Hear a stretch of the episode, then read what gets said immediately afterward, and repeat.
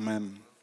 Okej, som början för inledning, jag vill säga att under, under våren har vi haft olika undervisning på torsdagskvällar som handlar om andens gåvor. Vi har pratat om profetiskt helande, tungotalsgåvor, gåvor att göra under tecken, vishetens gåvor och sånt sådär. Vi nämnde rätt så många. Men nu har jag sagt att vi går i en ny fas när vi börjar prata om andliga tjänster. Och det finns en skillnad. Och ibland kyrkan vi blandar ihop andliga tjänster och andliga gåvor. Och för mig det lättaste sättet att förklara det är att se andens gåvor som en verktygslåda med verktyg. Och sen andliga tjänster, och nu pratar vi om apostel, profet, evangelist, pastor eller lärare. Sådana tjänster som vem du är och dina, dina gåvor och, och dina tjänster. Det, det, handlar om hur Gud har lagt ihop dig. Med vilken talanger, vilken personlighetstyp du är och sånt. Som gör dig till just den du är. Och eh, du kommer märka min tes ikväll är att eh, andliga tjänster, apostel, profet, eh, evangelist, eh, herde och lärare. Det är inte bara för några få som, som ska ha sådana tjänster. Men vi är alla en blandning av dem. Okej? Okay? Har ni med? Tror ni att det kommer bli tråkigt? Jag hoppas inte. Jag tycker detta är jättespännande. Vi kan börja genom att läsa bibelord för jag kommer hänga ganska mycket på de här eh, bibelord. Och vi är in på Efesierbrevet som är brev i Nya Testamentet som skrivs av Paulus eh, och skrivs till en församling. Tänk det, varje gång vi läser vår bibel, det är inte bara jag, vi läser det för vår individualistiskt sätt, men tänk att när han skrev det, tanken var att det skulle läsas upp i en kristen församling varför alla skulle få del av det. Och jag tänkte jag börjar i kapitel 3 eh, redan, för, för här är en underbar inledning till huvudpoäng för hela Efesierbrevet kapitel 4. Där kapitel 4 är där den viktiga börjar. Det är där som han kommer till sin huvudpoäng. Innan dess är han bara inleder och han inleder med en bön här. Han säger Därför börjar jag mina knä inför Fadern. Han från vilken allt som kallas far i himlen och på jorden har sitt namn. Jag ber att han i sin härlighets rikedom ska ge kraft och styrka åt er inre människa genom sin ande att Kristus genom tron ska bo i era hjärtan och att ni ska bli rotade och grundade i kärleken. Då ska ni tillsammans med alla de heliga kunna fatta bredden och längden och höjden och djupet och lära känna Kristi kärlek som går långt bortom all kunskap. Så ska ni bli helt uppfyllda av all Guds fullhet. Det är inte litet ord här. Han pratar om en gemenskap som ska så helt fyllas med Guds fullhet. Han som kan göra långt mer, mycket mer än allt vi ber om eller tänker oss genom den kraft som verkar i oss. Hans är äran i församlingen och i Kristus Jesus. Eh, underbar bön, eller hur? Om man måste läsa dem. Tänk om man kunde be det över, över någon som du tycker om. Nu går vi in till kapitel 4. Och sen kommer han in på viktiga saker. Därför, därför, vad vi har just läst, uppmanar jag er, jag som är en fånge i Herren, att leva värdigt den kallelse ni har fått. Var alltid ödmjuka och milda, var tålmodiga och överseende med varandra i kärlek. Gör allt ni kan för att bevara andens enhet genom fridens band. En kropp, en ande, liksom ni kallas till ett hopp vid er kallelse. En Herre, en tro, ett dop. En Gud som är allas far, han som är över alla, genom alla och i alla.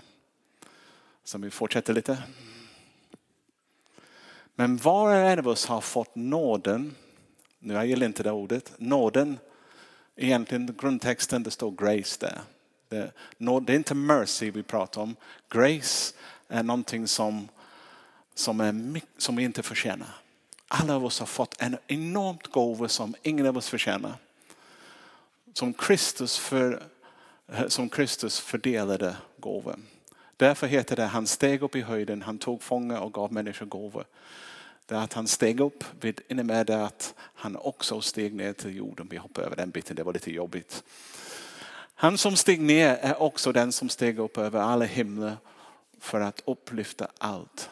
Han gav några till apostlar, andra till profeter, andra till evangelister och andra till herde och lärare. Då kommer de fem. På engelska, om ni läser engelska böcker om detta, du kommer höra talas om ordet apest. Apostle, prophet, evangelist, shepherd och teacher. Så de, de pratar om alla fem, fem och det ser ut som att man har en hand. Fem grundtjänster Paulus talar om som Jesus har förberett för sin församling. Okej, okay, nu fortsätter vi.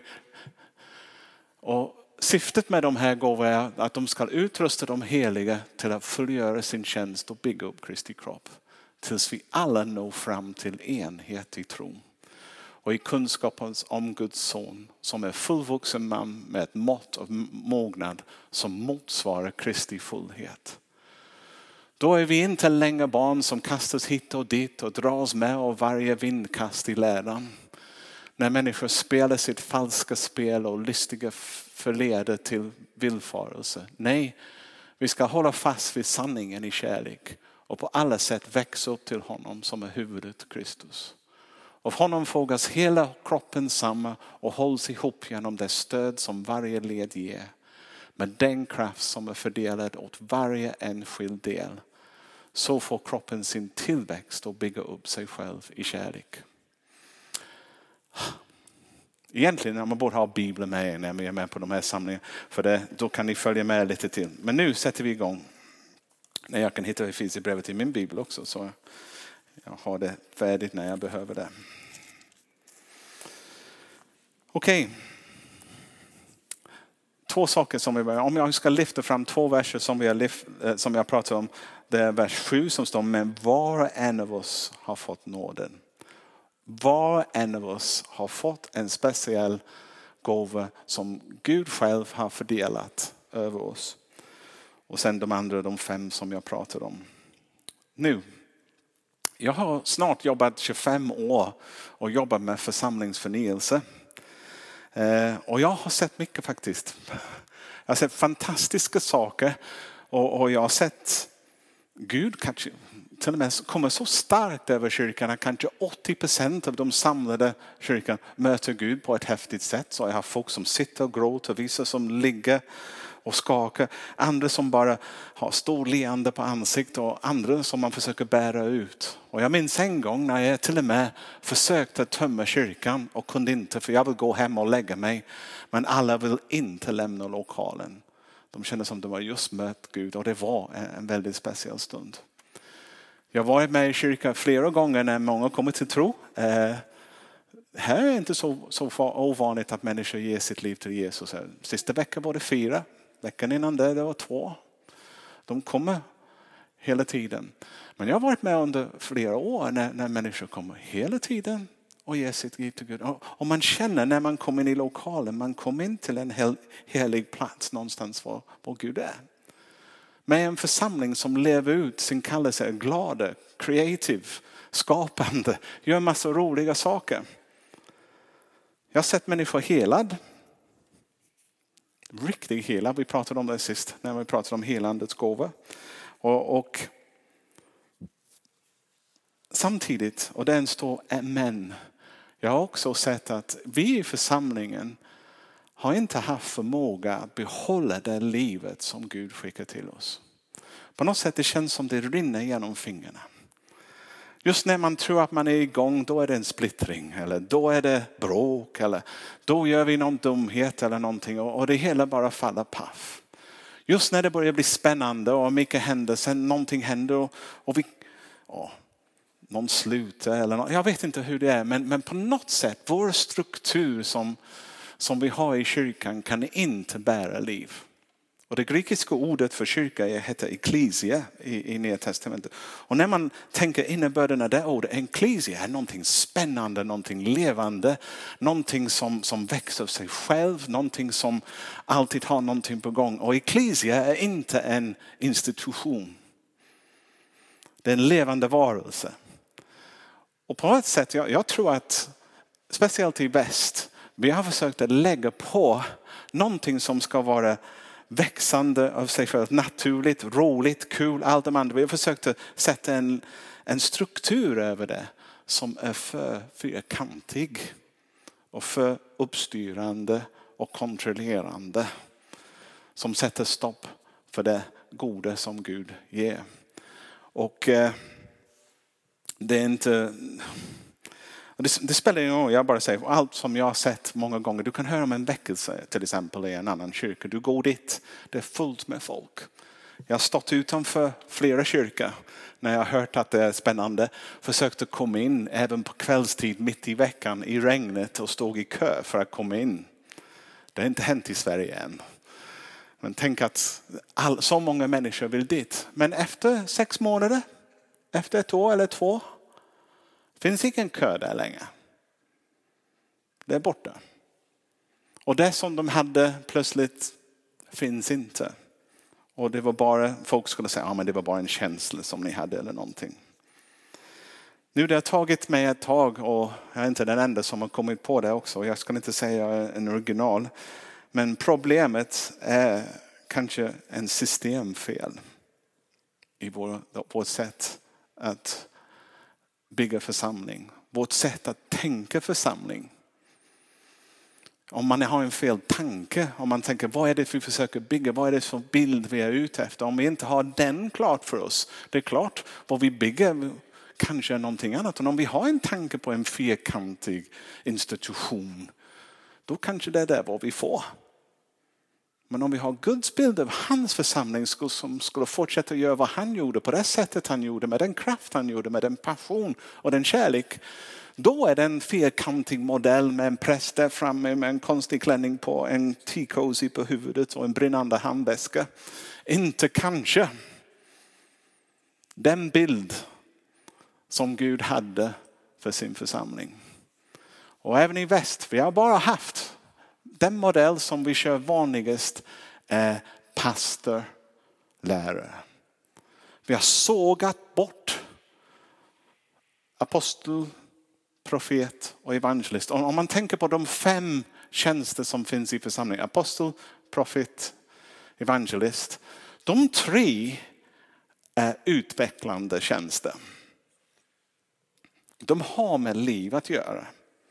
Både hålla församlingen i liv och håller entreprenörskap och nya idéer på gång. Och också, eh, ja, vi ska prata om det lite senare. De andra två, hederskap och lära, det är mer bevarande. Och jag skulle säga att sedan 300 år efter Kristus i Konstantins tid har kyrkan systematiskt, omedvetet eller medvetet, jag vet inte, försökt att avveckla de tre tjänsterna. Om du ska läsa de kristna tidningarna idag, du ser ingen annons för en evangelist knappast. Definitivt inte för en profettjänst och definitivt inte för en apostoltjänst eller eh, apostolisk tjänst. De finns inte, du hör inte dessa ord. De, till och med de ord är laddade på grund av fel tolkningar. Men vi ska komma in på det också idag så ni förstår vad jag pratar om. Och vi har försökt att bygga en hel församling med bara de två bevarande tjänster. Och det är lite grann som om jag skulle till exempel plocka upp denna mikrofon med bara min två. Mm. Hur, hur sätter man på det?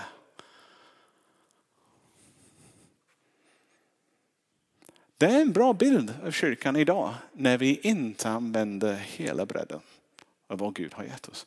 Men om jag skulle ta använda alla hopp, oh, plötsligt det känns gott. Plötsligt kan jag kan röra på mig och plötsligt kan jag sätta på den och av på den. När alla fem är med, då funkar det. Nu. Eh, lösningen har funnits hela tiden, men vi har inte sett den. Eh, jag tycker, jag vet inte vad ni läser, Eh, jag älskar att läsa management books och utvecklingsböcker. Och amerikaner är hur duktiga som helst att skriva böcker och göra analys om olika personlighetstyper och vad de är bra för. Och sen andra världskriget har det funnits en hel längd i min bibliotek i alla fall hemma om ledarskapsböcker. Och, och, sånt. och de gör fantastiska analyser och de har kommit fram till Myers-Briggs och Shape och Strength Finders. Det finns vilken, hur många program som helst. Var de alla har någonting gemensamt. De säger att för en rörelse, för en företag eller vad som helst för att kunna maxim, maximera sin potential krävs det faktiskt en blandning av olika människor med olika talanger som samarbetar och kompletterar varandra för att kunna uppnå en mål. Och jag tycker det är spännande. När man läser, har, har ni varit på en kurs, någon av er som jobbar och ni har olika kurser och det är jättespännande. oh, jag är den typ, jag är den typ. Och man märker att man har olika, de sätter dem i olika grupper. Vanligtvis om man har det sekulärt utanför kyrkan. Det är fyra grupper, du hamnar i en av dem. I en kyrka, vi har alltid haft den profetiska. Det är samma sak. Det är samma sak. Men vi behöver inte vänta till andra, efter andra världskriget när amerikaner forskade. Om vi hade läst Bibeln med våra ögon öppna om vi hade faktiskt läst vad det står, vi skulle ha författat att Gud har faktiskt uppenbarat för Paulus grund-DNA för en församlingsbyggande som ska vara hel. Och det inkluderar alla dessa typer. Man kan lätt prata om ah, att han är apostlar om man ska översätta det till världsliga, det är den entreprenörskap. Det är den eh, naturlig förmåga att kunna få människor i rörelse och sånt där. Sen man har eh, profeter, det är dina marknadsanalyser de som försöker tänka hur ska vi lansera en produkt eller någonting sånt. Sen har man evangelister. Det är våra försäljare. Det är de som är ute och säljer. Vad är det? Och sen har man heder, då är det din management som tar hand, eller personalavdelning som tar hand om, om människor och ser till efter deras välbehag. Och sen finns det lärare, de som gör analys och sånt och försöker, försöker hjälpa oss bli bättre. Bättre att kunna se våra svagsidor och sånt och bättre systematisera saker så vi är mer effektiva. Finns det. Och jag tror att för att vi är människor, det spelar ingen roll om vi är i kyrkan eller inte i kyrkan. Vi, vi är skapade av Gud och vi fungerar på en viss sätt om vi älskar Gud eller inte. Men om vi skulle läsa vår bibel, det har redan funnits den modell som han hade tänkt skulle finnas för att vi skulle bli den församling som hade tänkt i all sin full, så full av Jesus att vi drippar och sprutar ut honom. Så komplett om man använder de ord som Paulus gör i Efesierbrevet. Men det kräver de fem i samarbete. Och hur ska vi göra det? Hur ska vi göra det? Eh, ska se Saker och ting håller på att ändras. Och jag säger det för att det finns en uppsjö nu av böcker faktiskt i den kristna världen som börjar tänka, oj vad håller vi på med? Det är klart att församlingar kommer inte utvecklas om vi bara har den one model, passar allt. Och fler och fler börjar få, få ögonen att vi skulle faktiskt behöva de andra tjänster i funktion. Och jag har läst några fantastiska böcker. En av dem är den bästa tycker jag just nu är en man som heter Alan Hirsch. Eh, som har skrivit en bok som kallas Den Permanent Revolution. Men eh, jag märker när jag läser de här böckerna att det finns nya insikter som inte fanns när jag läste teologi. Och nu är jag inte gammal, okej okay, jag är 58, men jag är inte gammal. När jag läste teologi bara för 25 år eller var det 30 år sedan, vi läste inte de här sakerna. Vi pratade inte om dem. Vi pratade bara om pastor, teacher, pastor, teacher. Om man går tillbaka till reformationen också, Calvin, han sa egentligen allt du behöver är Bibeln, en herde och en lärare och då har du allt som behövs för en kyrka. Vem är han att säga? Men det funkar inte. Visst var det bra att ha Bibeln igen. Då hade de tappat det. De fick det tillbaka. Men en bibel kan inte ersätta en apostolisk eller profetisk eller evangelist tjänst. De behöver Bibeln men de ersätter inte det. De kompletterar varandra hur det går. Om man ska säga. Och eh, när man börjar tänka på även de förklaringar som jag läst när jag läst teologi, det var så att de apostlar det är missionärer, det är de som går ut och startar någonting nytt. Men, men när man läser Bibeln så är det inte. Både Paulus var en apostel och han var ut och startade församlingen, Han var missionär. Han var entreprenör som startade någonting. Men det också står att Petrus var också en apostel. Han startade ingen församling. Men de bägge två bar Guds DNA för församlingsbyggande. De bägge två tillförde liv. De bägge två höll det samman och fokuserade på rätt, på rätt riktning. Så man ser att man kan ha en apostolisk tjänst som är både utåtriktad och man kan ha egentligen en aposteltjänst som är inåtriktad. Och bägge två är apostolisk tjänsten. Och sen här kommer den viktigaste, den viktigaste, eller inte den viktigaste, men den viktigaste sak. Det finns pedagogiska insikter som har gjort det lättare att prata om de här sakerna. Till exempel, jag känner inte till en enda sund pastor som vågar kalla sig själv för en apostel.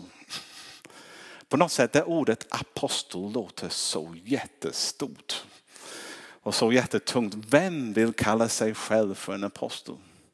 Ja, en evangelist, de är den enda som är tillräckligt fräck och självförtroende fyllda att de tror att de är det ibland.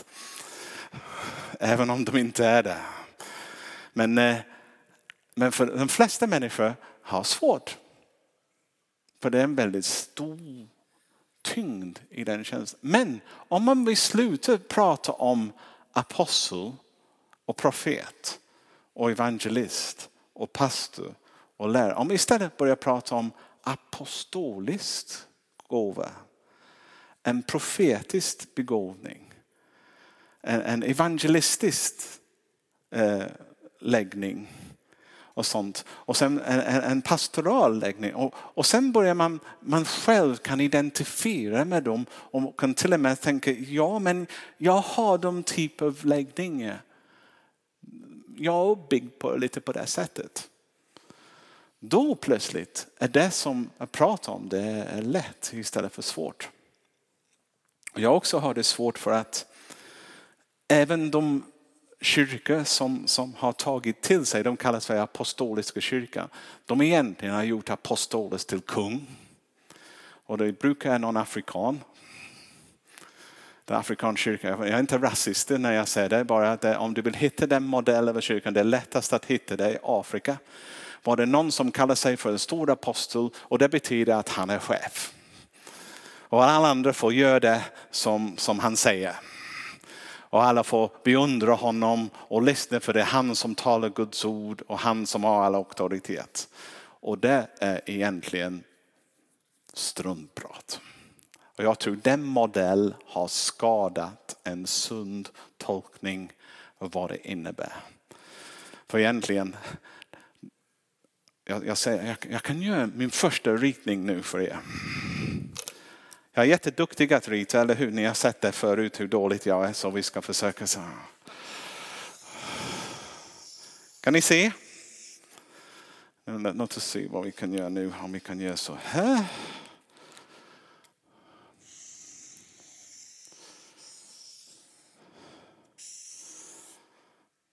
Det är svårt att få fem. Eller? One, two, three. Nej, det är det, eller? One, two, three. Ja. Yeah. Ni skrattar. Jag lovar, det, det är svårt. Eh, Om vi är en...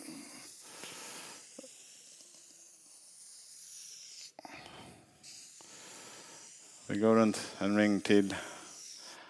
Okej, okay. och sen gör vi något Jättekul. Det står grön och blå här men bägge två är blå. Intressant. Vi kan ha A, A, A som betyder, som betyder Yes, ni börjar få så jag tänker. P, P, P betyder profet. Och sen vad betyder E?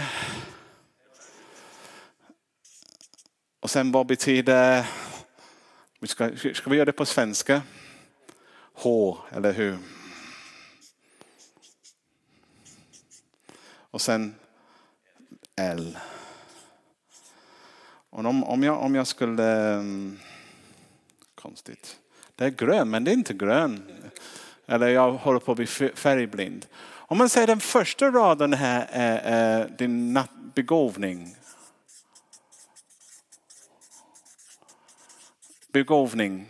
Och sen den andra är tjänst.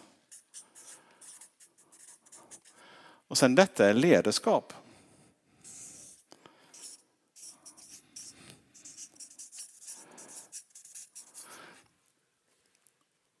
Du kan, du kan ha till exempel en apostolisk gåv, gåv, gåv, begåvning.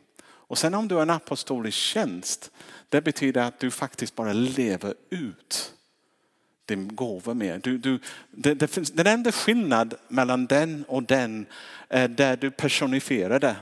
Där ligger det. Här lever man ut det. Och sen ledarskap, du kan vara en ledare, ledare som är apostoliskt. Men du kan också vara en ledare som är lärare. Och jag skulle säga ledarskapsgåvor är en annan gåva än vad vi pratar om tjänster. Så du kan till och med ha en jättebra apostolisk gåva. Men i din team när du jobbar i kyrkan är det faktiskt herde som är den bästa ledare. Som har den bästa ledaregenskapen. Då är det han eller hon som ska leda. Inte den bara för att du har A. Så funkar det. Ledarskap och tjänster, de är två olika saker. Så till och med, jag kan ge en exempel. Till exempel folk drev med, med Jakob och, och jag när, när jag kom till kyrkan. De står, en av dem kommer sluta efter ett tag.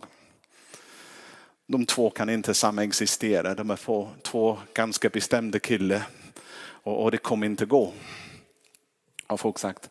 Men jag kom hit jag märkt ganska snart att Jakob var en bättre ledare än vad jag var. Nej, han kan eh, processa. Han, han tänker lite grann också, okej okay, vi ska dit, vad behövs för att ta gänget därifrån dit? Och han, han kan nyanser. Och det kan inte jag. Jag har jobbat själv som föreståndare nu i över 20 år. Jag tänkte vi ska dit och jag, på något sätt jag, har, jag saknade den lyssnande förmåga att kunna samla folk med rätt. Speciellt svenskarna som du aldrig vet vad de tycker. Alla pratar och sen du vet inte vad de har beslutat. Och sen vi skulle hamna någonstans. Så jag, som utlänning också, som invandrare, är det jättesvårt att förstå kulturen, att förstå hur ni tänker och sen försöker samla er som man blir ett. Men jag märker Jakob är utmärkt.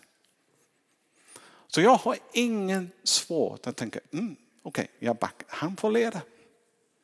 Det betyder inte på något sätt att jag minskar vad jag kan göra. För jag vill komma i min tjänst. Jag vill blomma ut i det som jag är skapad för. Och, och om jag blommar ut och, och, och, gör vad jag kan göra, vi bägge två kommer må bra. Och jag faktiskt gick, jag ska säga, jag gick igenom en tanke om ska jag stanna här eller ska jag söka en annan tjänst och sånt. Och sen kom jag, jag kände som Gud sa, nej Andrew, om ni två hittar varandra kan ni göra mer tillsammans än vad var en kan göra på sitt, sitt håll. Och jag tror på det. Och jag känner mig supertrygg med det och inte alls stressad att inte vara huvudledare. Okej? Okay? Det går. Den enda du behöver kämpa med är din egen prestige och lära dig att eh, ledare brukar få mer betalt. Eh, ja, vad säger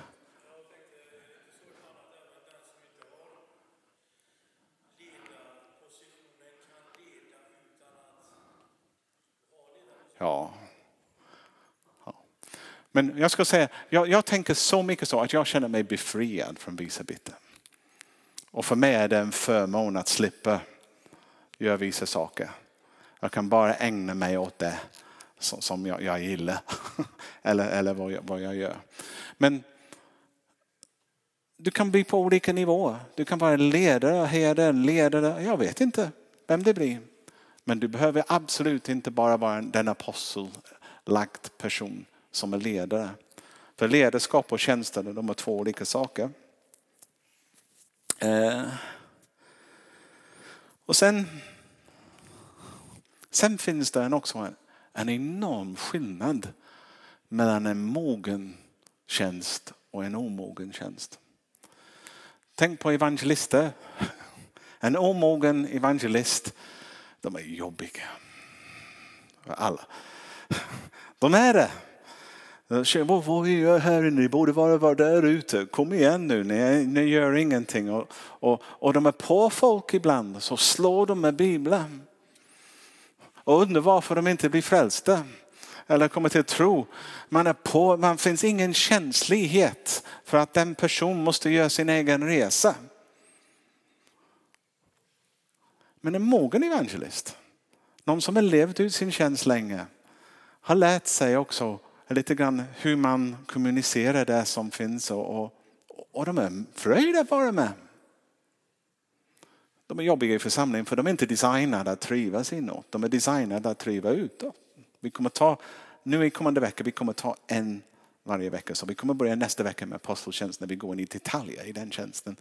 Och sen profet och sen evangelist och sånt. Vi kommer ta varsin. Men redan nu vill jag säga till exempel, en evangelist är inte designad av Gud för att må bra att sitta i en kyrka. Så vi ska inte tvinga dem att göra det. Och de, eftersom de inte trivs att göra det, många evangelister har slutat gå till kyrkan. De hatar kyrkan, de har en kärlekshat relation med kyrkan. Men kyrkan måste lära sig att älska dem och se att de är viktiga med det de gör. Och gör att de känner sig hemma och värdesatt. Även om man vet att de kommer aldrig njuta av livet som du gör. För de trivs att umgås med folk som inte är kristna än. Men det är hur de är byggda. Och samma med profeter. En omogen profet är jättejobbigt. De bara försöker säga hela tiden vad är fel. De har inte lärt sig att eh, uh, fira seger. Jag tänker som pastor ibland, jag kan se att församlingen vi håller på att förändra riktning. Jag säger jag jobbar med förnyelse, en församling som behöver ändra sin riktning igen. Och jag kan tänka till exempel, vi, ibland har vi varit tio grader fel. Och vi har jobbat stenhårt under flera år och nu är vi fem grader fel. Och jag är glad för jag vet att vi är tillbaka, vi är på väg på rätt väg men en, en profet, de är aldrig nöjda. Det är fortfarande fem grader, du är vilsna här, kom igen, vad tror du? Och de tjatar som bara det. Och till slut, många gånger har jag faktiskt sagt till dem och sagt okej, okay, nu du har sagt vad Gud har lagt på ditt hjärta. Nu får du gå. Ansvaret ligger på, på oss vad vi gör med det. Men du har gjort vad du har gjort. Tack. Hej då. Och det är för att men de gör vad de är skapade att göra. Och det har tagit mig alldeles för lång tid att inse att de inte är problematiska människor. De är människor som Gud har skapat med en viss läggning och en viss gåvomix. Och mitt jobb är inte försöka kram, klämma in dem i en modell som passar mig. Utan min uppgift är att försöka få dem att blomma ut och bli de människor som Gud har skapat med den begåvning som de har. Och sen, man kan vara irriterad på en ung tjänst jämfört med en mogen. Alla vill vara mogen. Men du måste bli gammal för att bli mogen. Och det finns ingen snabb sätt att vara där utan att leva. Och jag brukar säga, någon säger, men vi gillar dig Andrew, du känner så trygg. Jag tänker ibland, ni är inte säkert ni skulle gilla mig som en 25-åring. För jag kan säga det nu, jag var ganska dömande och ganska bestämd. och jag lyssnade inte till folk, jag bara körde över dem. Och så där. Och det tog mig ett tag och Gud, Gud faktiskt väldigt tålamodig och andra kristna runt omkring mig som som Andrew, lugn dig lite, det är okej. Okay. Eller, eller som en äldre gubbe i Vargön när jag var där som kom till mig och sa Andrew, hur gick det tror du? Och varje gång han sa det, jag, jag vet att han visste precis hur det gick. Och han undrar om jag har insikt till hur dum det var eller, eller någonting. Och sen får jag säga efter lite, ja, kanske, kanske det var inte så bra. Och sen han skulle säga, men på vilket annat sätt kunde vi ha gjort det för att nå en bra resultat? Han var så smart. Han var, så, han var som en pappa. Han aldrig gick på mig och skällde ut mig. Han, han kom sidan av mig och sa så, så fina saker som men, men vad, vad, tror du vi kunde göra nästa gång vi gör det för att få det? Och sen resonerade jag och han sa ja det låter som är värt att försöka. Om han hade bara slagit mig hårt och sagt Andrew du är en dumskalle som jag probably var, kanske var.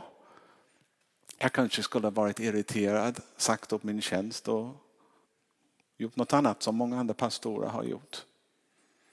Det krävs faktiskt en mognad bland de äldre och de är inte alltid gå ihop. Bara för att du är en äldre kristen betyder inte att du är mogen.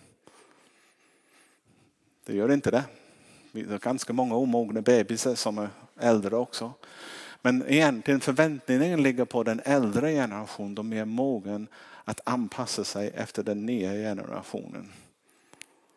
Och hjälpa dem komma åt. Eller hur? Jag minns när jag var, jag var brandchef när jag var 26 år på den station jag började på. Och några av mina brandmän tyckte inte om det för de var med när jag började. De var de gamla killarna när jag var den nya. Och de trodde att de hade lärt mig allt jag kunde. Och sen kommer jag tillbaka till deras chef och jag är bara 26 år gammal. Och det är alldeles för tidigt, det var det. Och jag minns Bill kom till mig och sa, han sa, du har bara fem års erfarenhet och du är min chef. Och jag har 15 års erfarenhet. Och jag tittar på honom och säger, Bill, du har inte haft 15 års erfarenhet. Du har haft ett års erfarenhet 15 gånger. Du har aldrig lärt dig något. Det var vad jag menar. Du är inte säker att du skulle gilla mig som en 25 eller 26-åring. För jag kunde säga sanningen ganska rakt. Och, och så. Men, men vissa människor de lär sig inte, även de blir flera år. De, de, de tar inte till sig vad livet erbjuder och de blir samma. Och min kompis Bill, han var väldigt bra faktiskt förresten på många sätt. Men, men eh, han var inte glad när jag sa det till honom. Han var dubbelt så stort som mig också. Men han var snäll. Jag fick inte en smäll. Uh, vad ska jag säga?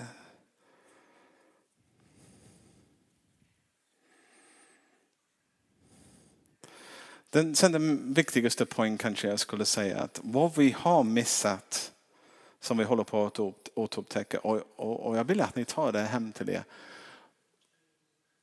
Apostel, profet och evangelist, de har varit bara några få som har fått tjänsten. Det fanns oss vanliga människor och sen finns det de ledartyp som är en av dem.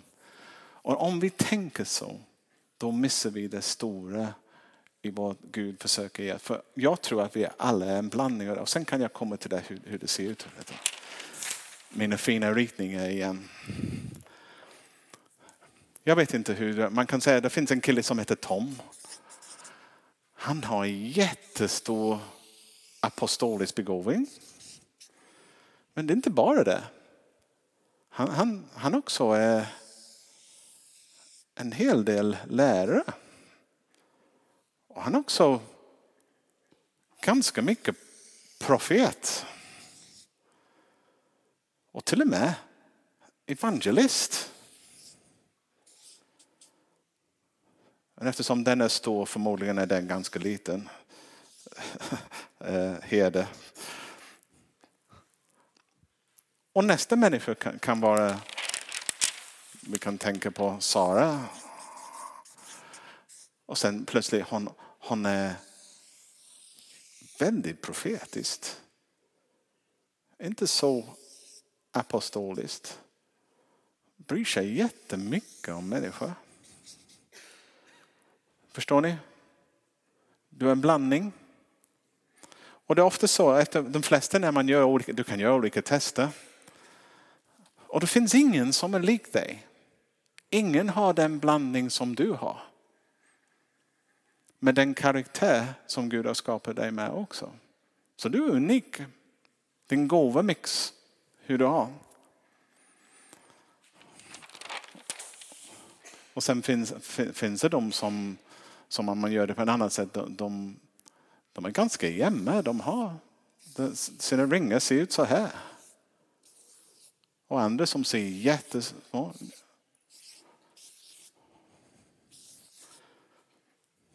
Hur du är uppbyggd, det har Gud bestämt. Vilken gåva du har, vilken tjänst du har kan du inte egentligen bestämma själv. Det är mer, det, din tjänst är någonting som du upptäcker. Inte någonting du bestämmer dig för. Och med hjälp också av andra runt omkring dig kan du se vilken tjänst du har. Ni är fortfarande lyssna. Jag, jag, jag skäms när klockan bara går så här. Och jag, tänker, jag vill snabbt gå tillbaka till texterna igen bara för att avsluta den. Jag är vid bottensidan av 2 och 7. Men jag kommer inte gå igenom ikväll. Bara så ni vet. Men om vi börjar med den text. För här, tillbaka till bibeltexten. Paulus, efter han har sagt att vi ska bli helt uppfylld av Guds fullhet. Han återkommer med sju stycken ones. Ska vi läsa? Gör allt ni kan för att bevara andens enhet genom fridens band. Och sen kommer han till sju stycken ens. En kropp, en ande, liksom ni kallas till ett hopp vid er kallelse. En Herre, en tro, ett dop, en Gud som är allas far, han som är över alla, genom alla och i alla. Det känns som Paulus försöker säga, lägga en teologisk grund på församlingar och bara påminnas enheten är den ram som Gud vill bygga sin församling i. Och jag har sagt flera gånger att Gud gillar inte splittringar. Men, men vi får inte tänka det är din bit, du gör det, du gör det och du gör det. Han tänker allt är ett. Och det ska samverka för att bli ett. Det finns bara en församling, det finns bara en Gud, det finns bara en ande som verkar i oss. Och han sätter, sätter ihop egentligen, han lägger grunden till, till eh, de gränser som skapar en trygg och sund miljö för en församlingstillväxt. Jag är, inte, jag är snart färdig bara så du inte är orolig. Vers 7 till 11 när vi kommer till det. Men var och en av oss har fått nåden som Kristus fördelar gåvan därför. No, Han gav något till apostlar, andra till profeter, andra till evangelister och andra till herde och lärare. Vi hoppar över den andra bara för att komma till dem. För mig det, det känns ganska tydligt att eh, Paulus beskriver en mer Kristus-fokuserad eh, tjänst. Det var Jesus som personifierade alla de här tjänsterna. Och det, det är Kristus som avgränsar de fem som vi ska vara med om. Och jag vill att ni tänker om fem för om kommande vecka. Jag vill också att ni börjar fundera, men, men var, var ligger jag i, i, i skalet egentligen? Vad är min naturlig tillhörighet i de olika grupper som kommer? Eh, jag har skrivit här vad jag säger. Jesus har gett särskild tjänster, kallelse, uppdrag till församling. Och den viktigaste igen som vi tar, men var och en av oss har fått. Var och en. Inte bara ledare. Du som sitter där. Du har fått en andlig tjänst. Fattar du det Kevin? Du har fått en. Eller två. It's okay. Jag säger, du har fått en tjänst. Du, ingen av er är bara skapad för att sitta på bänkarna och sluka upp undervisning härifrån. Var och en av er har fått en speciell gåva från Gud, en kallelse att leva ut. Och det är viktigt att ni kommer in i det. Okej, okay, den sista, vers 12 till 16, det här var jag älskar. Egentligen man, det är en konstig uppdelning där mellan 11 och 12. Men för att, det är här Paulus beskriver vad de finns till för. Det finns en förväntan. Någon har sagt till mig att församlingen är den enda institution som ständigt utbildar människor med ingen förväntan att de ska göra något. Det är inte en bra beskrivning, så är det inte. Men de här tjänsterna, när de jobbar i enhet för en Gud med en ande och, och lägger sina, överlåter sina begåvor och gåvor tillsammans. Deras uppgift, den förväntan att de ska utrusta de heliga att fullgöra sin tjänst att bygga upp Kristi kropp. När alla fem är med kan vi bygga upp Kristi kropp. En sund församling ha alla fem i bruk. Du behöver inte ha etiketter på. Du behöver inte ha namn på. Du kanske inte går runt med en bricka som säger profet eller evangelist. Men om du lever ut din tjänst i samarbete med de andra. Du bidrar till en hel och sund församling. Och sen vi går on. Tills vi alla når fram till enhet i tro och kunskap om Guds son. Så det, det handlar om mognad. Eh, och sen kommer vi till vers 14. Där vi inte längre barn som kastas hit och dit och dras med av varje vindkast i läran. När människan spelar sitt falska spel och listig förleder till villfarelse. Nej, vi ska hålla fast vid sanningen i kärlek och på allt sätt växa upp till honom som är huvudet Kristus. Av honom fogas hela kroppen Det är Jesus som är skit, men det är fel ord. Hur säger man det så det är inte fel ord? Det är limmet som håller oss, håller oss samman. Han är det. Det är hans kropp som vi bygger tillsammans. Håller ihop genom det stöd som varje led ger med den kraft som är fördelad åt varje enskild del. Så får kroppen sin tillväxt och bygga upp sig själv i kärlek. Okay. Så Paulus säger hans förväntningar om vad de fem tjänster Eh, bidrar till eh, andlig mognad, stabilitet, hålla fast vid sanningen, en sund lära, tillväxt i Kristus, kärleksfull miljö och en fungerande kropp i samarbete. När man ser när vi inte fungerar som församling, när vi tar vila och lära på, då är det klart och tydligt att en apostolisk tjänst saknas och en profetisk tjänst saknas. Det finns ingen som ropar ut, men det står det inte i ordet. Det, det är inte vad Gud har sagt. Det är lätt att om man tar bort viktiga delar då, då växer vi inte. Då fungerar vi inte. Och tanken är att vi ska inte bara ha det mysigt ihop. Att vi ska faktiskt bli en fungerande kropp som fortsätter att göra som Jesus gjorde med den kraft Jesus gjorde det. Med den passion och den kärlek som Jesus hade. Och vi fortsätter gå ut i världen och göra skillnad. Och presentera Guds rike. Han vill bygga upp sin församling, inte så att vi mår bra, utan vi får världen bra. Vi gör skillnad där ute. Och alla fem behövs. Det var min inledning.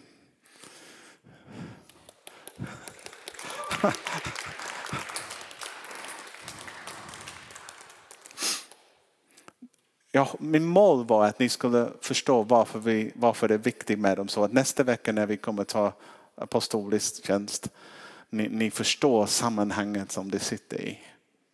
Och sen det går. Yes.